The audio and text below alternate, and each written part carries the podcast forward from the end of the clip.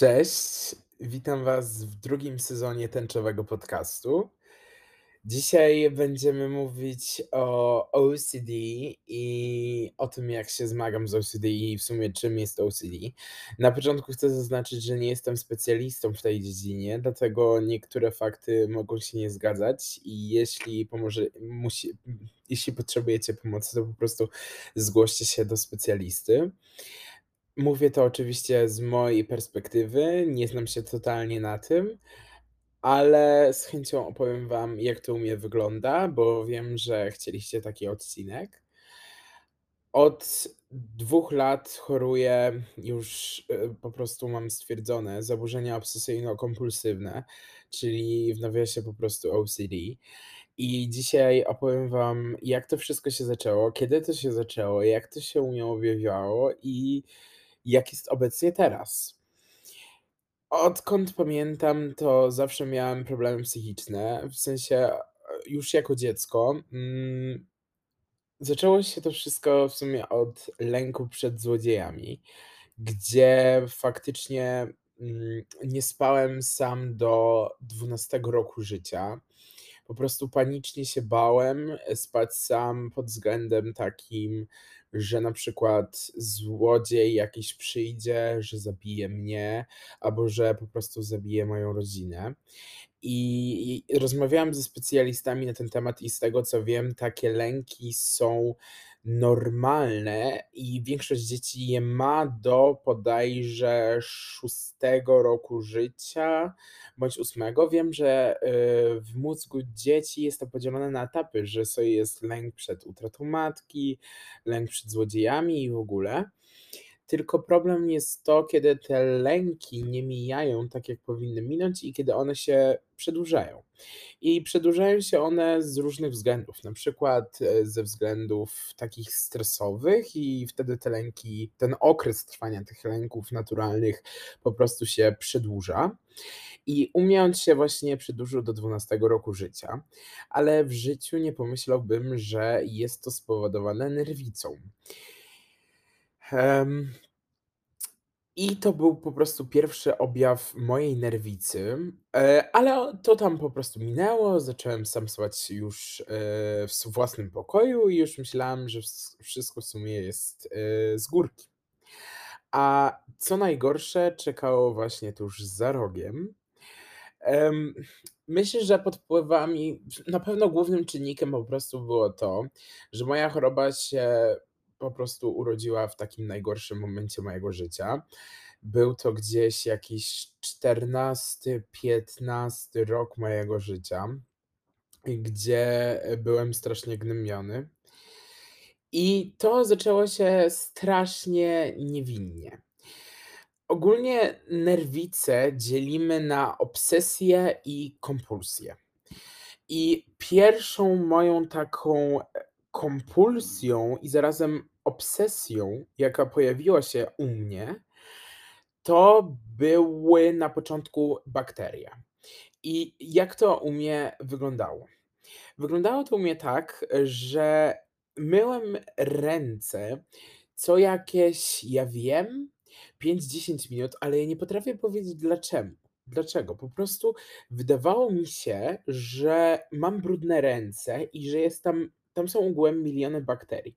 I ja za wszelką cenę po prostu chciałem te bakterie usunąć, bo się bałem po prostu, że zarażę się jakimś em, totalnie takim jakąś bakterią niebezpieczną i w ogóle.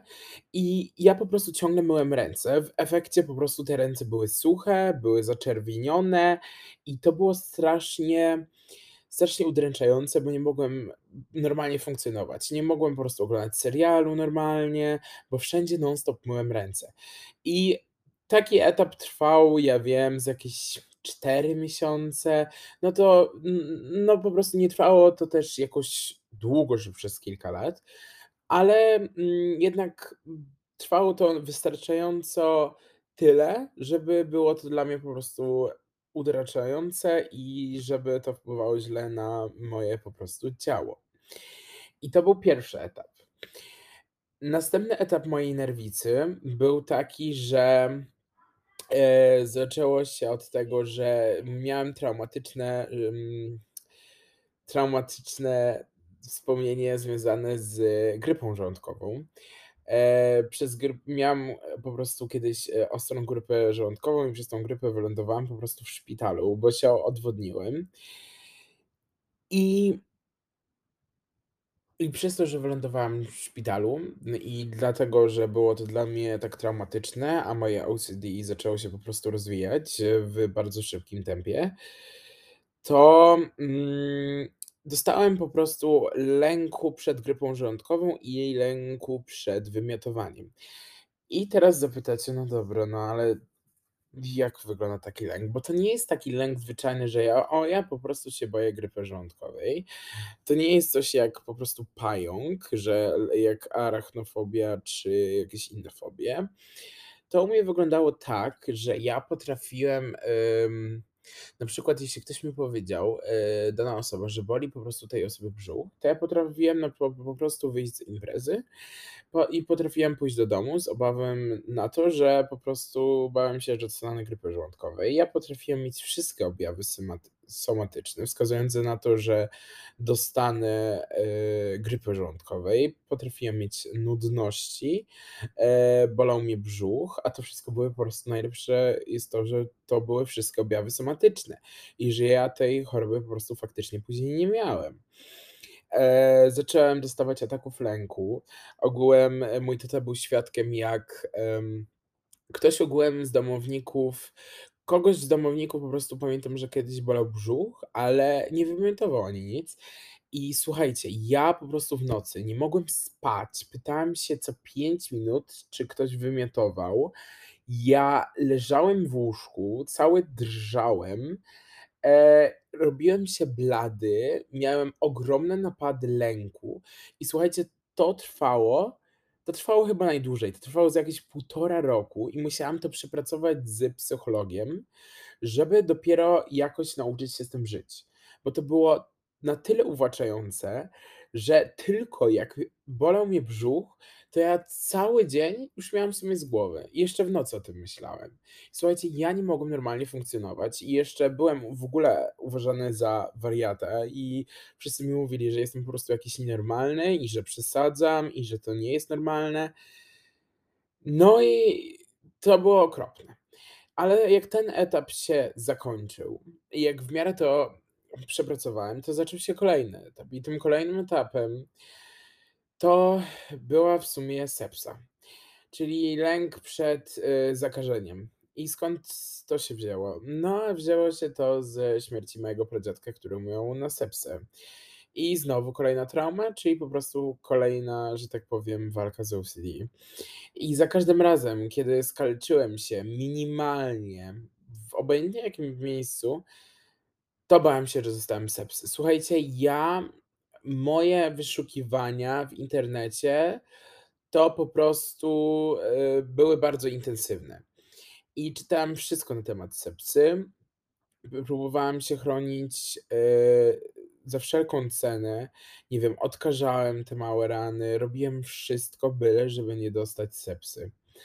I ten okres na szczęście był trud nu trudny mówię. Ten okres był po prostu krótki, ale był również bardzo intensywny. Potem zakończył się ten proces i zaczął się kolejny proces, czyli proces, kiedy bałem się jeść owoców, warzyw, a wiecie czemu? Żeby nie złapać salmonelli. I słuchajcie, ja totalnie nie jadłem owoców. Nawet jeśli były umyte, ja nie jadłem kompletnie warzyw, ja unikałem po prostu tego jedzenia i nie dotykałem nawet tego, nie mogłem na to patrzeć i po prostu unikałem tego za wszelką cenę. I to jest kolejny objaw mój i jedziemy dalej. Mmh, potem pojawił się były różne takie małe, które trwały na przykład po 4 tygodnie, typu, że ktoś mnie śledzi albo że ktoś chce mnie porwać, no to tego było mnóstwo ja nawet nie jestem w stanie sobie tego wszystkiego po prostu przypomnieć, bo, yy, gdybym ja to wszystko pamiętał, to prawdopodobnie bym po prostu zwariował. Ale myślę, że najgorszym takim, e, objawem nerwicy, który w sumie trwa do dzisiaj, Yy, to są, mm to są po prostu obsesje, czyli myśli natrętne i są to takie myśli po prostu intensywne, nasilone. I to są takie myśli niechciane. I które po prostu pojawiają się wbrew mojej po prostu woli.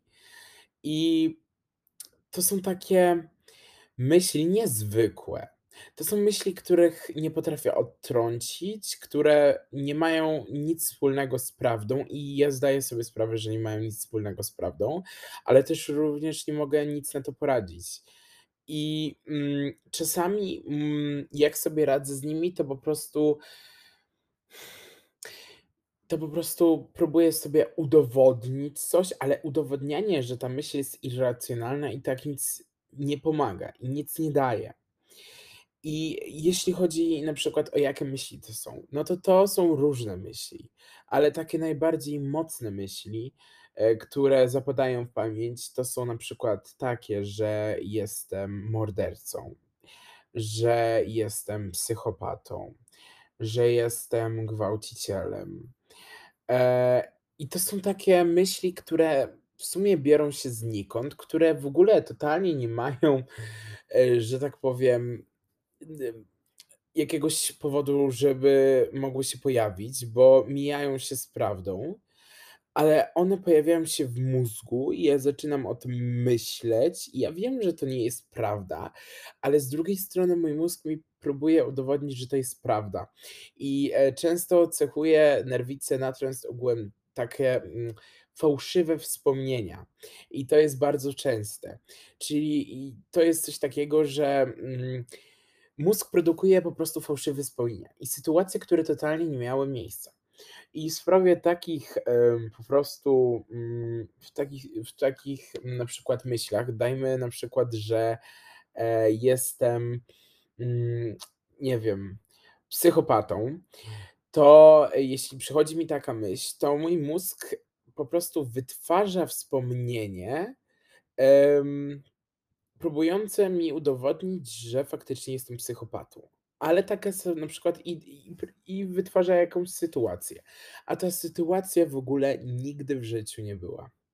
Nie miała miejsca taka sytuacja, ale mój mózg po prostu ją wytwarza.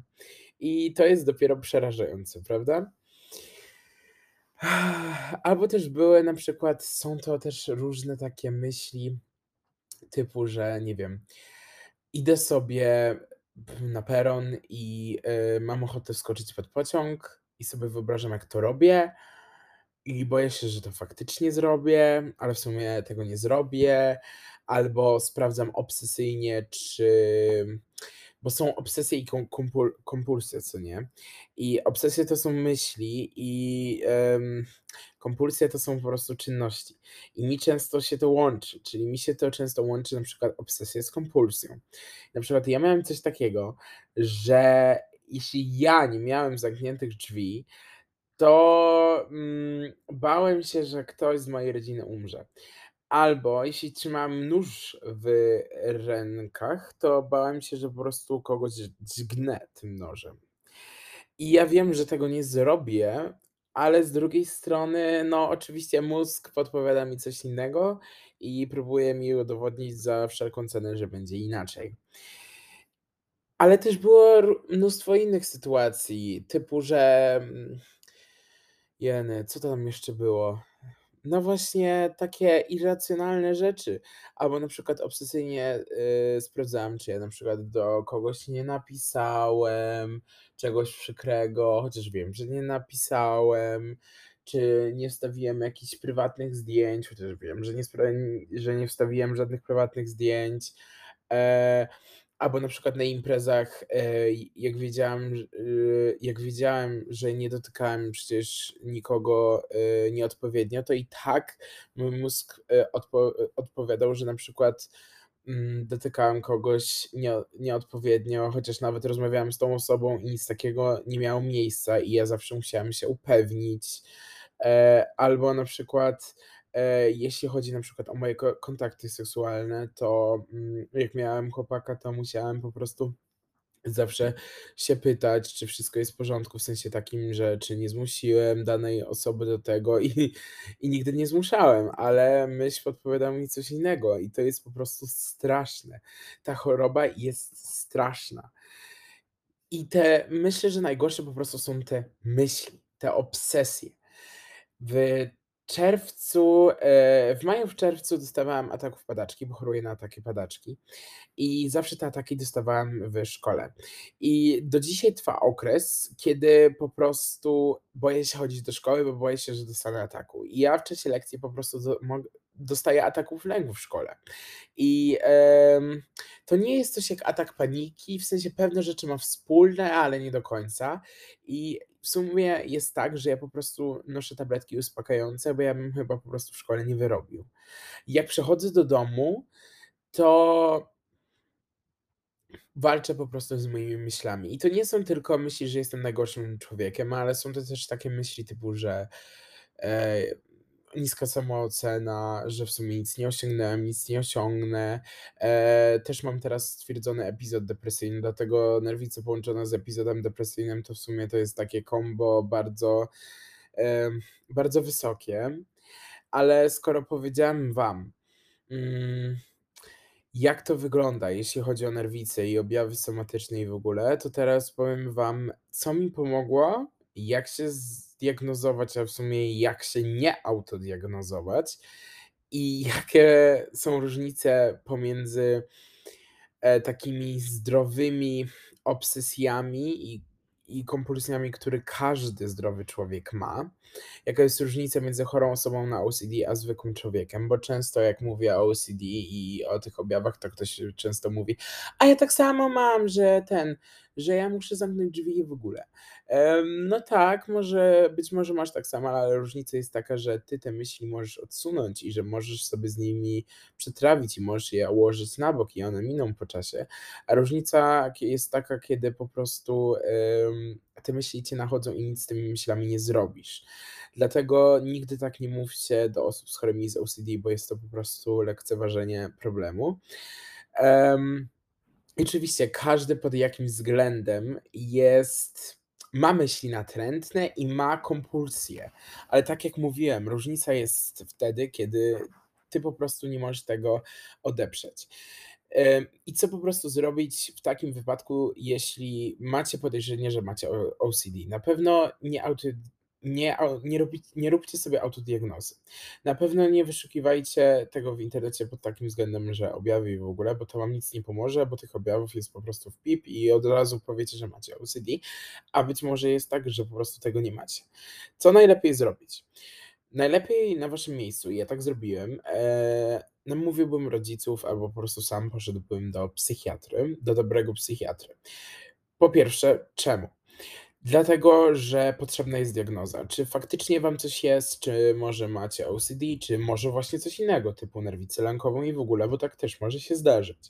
Jeśli dostaniecie diagnozę, to warto od razu wdrożyć yy, farmakoterapię. W sensie takim, że jeśli faktycznie coś macie, no to psychiatra odpowiednio wam dobierze leki, i te myśli i kompulsje trochę się zniwelują, ale nie oczekujcie, że to po prostu od razu tak na pstryknięcie palca wszystko zniknie, bo farmakoterapia tylko pomaga w leczeniu tych e, zaburzeń obsesyjno-kompulsywnych, ona nie, nie zniweluje tego do końca, bo jest to choroba przewlekła w sumie, jak każde zaburzenie psychiczne i można to tylko uśpić, a nie wyleczyć. A żeby uśpić, same leki nic nie zadziałają, w sensie nie zadziałają w 100%. To znaczy, że nie wyleczymy tylko tego farmakologicznie, tylko musimy połączyć terapię. No i trzeba się zgłosić do psychiatry i potem jedziemy dalej. Psychiatra zarekomenduje odpowiednią terapię. I e, z tego co wiem, e, OCD, w leczeniu OCD proponowana jest często terapia e, behawioralno-poznawcza. I ja też na taką terapię po prostu chodzę i to daje mi strasznie dużo.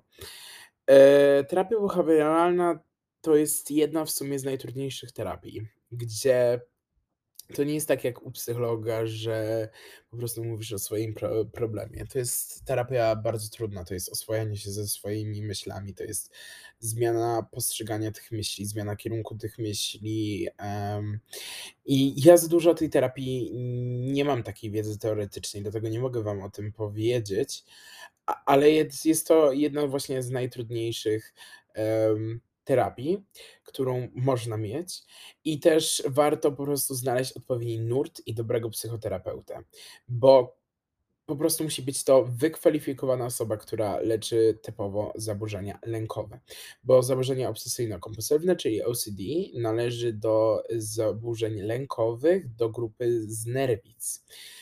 E, tak tylko warto wiedzieć. Em, i po prostu, czyli psychoterapia i i psychiatra. To są po prostu najlepsze wyjścia. I oczywiście słuchamy, eee, obu specjalistów. Eee, jeśli będzie potrzebne po prostu dalsze leczenie albo jakieś inne zaawansowane, no to też to rekomenduję, no bo lekarze i specjaliści się na tym znają.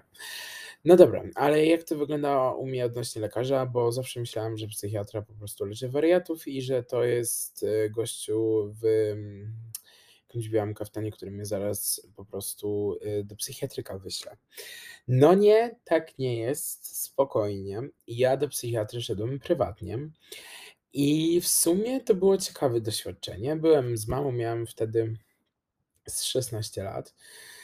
Ogółem wszedłem do tego gabinetu i miałem robiony robiony taki wywiad lekarski, czyli autentycznie po prostu co mnie sprowadza, eee, jak to się u mnie objawia i, mm, warto właśnie zapomniałem dodać. Słuchajcie, ja od dziecka chodziłem siku 6-7 razy, e, w nocy i myślałem, że jest to kwestia neurologi w sensie urologiczna, ale słuchajcie, to się okazało, że to jest od nerwicy i to mi ja byłem u urologa z 4 lata temu i on mi powiedział, że to jest kwestia psychiczna i faktycznie byłem u psychiatry i to jest kwestia, ym, po prostu, mm, w mózgu. Dlatego to też jest ciekawe, że możecie mieć różne objawy odnośnie nerwicy, dlatego też warto na to zwracać uwagę. Ale wracając do tematu. E, wywiad lekarski był prowadzony, co mnie sprowadza, ile mam lat. Pani się zapytała, czy mama może być obok, czy nie, jakie mam myśli konkretnie, czy coś podejrzewam, że mam konkretną chorobę, czy mam problemy ze snem, e, czy występują myśli samobójcze, czy mam jakieś właśnie objawy somatyczne czy chodziłem kiedyś do specjalisty? No były to pytania takie to nie było stricte jak u psychologa, czyli że rozmawiasz non stop o swoim problemie i w ogóle, bo tego się na pewno nie spodziewajcie u psychiatry. W sensie jakieś podstawowe rzeczy psychiatra się będzie was pytał, ale to nie będzie tak rozszerzone jak u psychologa czy tam psychoterapeuty i w ogóle, bo jednak to jest lekarz, a nie specjalista od spraw takich typu rozmowy, przepracowania traum i w ogóle. I ja dostałem w sumie na początku, em, antydepresanty, które są też, em, z antylękowe i ja dostałem RRSI, czyli wychwytnik zwrotny serotoniny, eee, czyli po prostu zatrzymuje serotoninę w mózgu. I to po prostu daje to, że po prostu jest mniej tych lęków i też tych myśli depresyjnych i myśli natrętnych i w ogóle. E, dostałem też tabletki na sen, które mi strasznie pomogły, ale nie w takim, że bo ja z zasypianiem nie miałem nie miałem problemu, ale w takim, że po prostu nie wybudzę się w nocy i jestem bardziej wyspany, co jest bardzo dobre. Um, i w sumie dostałem jeszcze takie doraźne leki po prostu na takie lęki, które na taki lęku, które bardzo pomagają. po prostu grunt to jest znaleźć dobrego specjalistę. I naprawdę nie bójcie się prosić o pomoc. Mam nadzieję, że ten odcinek trochę wam, e, rozjaśnił, o co chodzi w OCD. Dziękuję wam bardzo serdecznie za wysłuchanie tego podcastu. jeśli chcecie, to możecie udostępnić ten odcinek i do zobaczenia w kolejnym odcinku.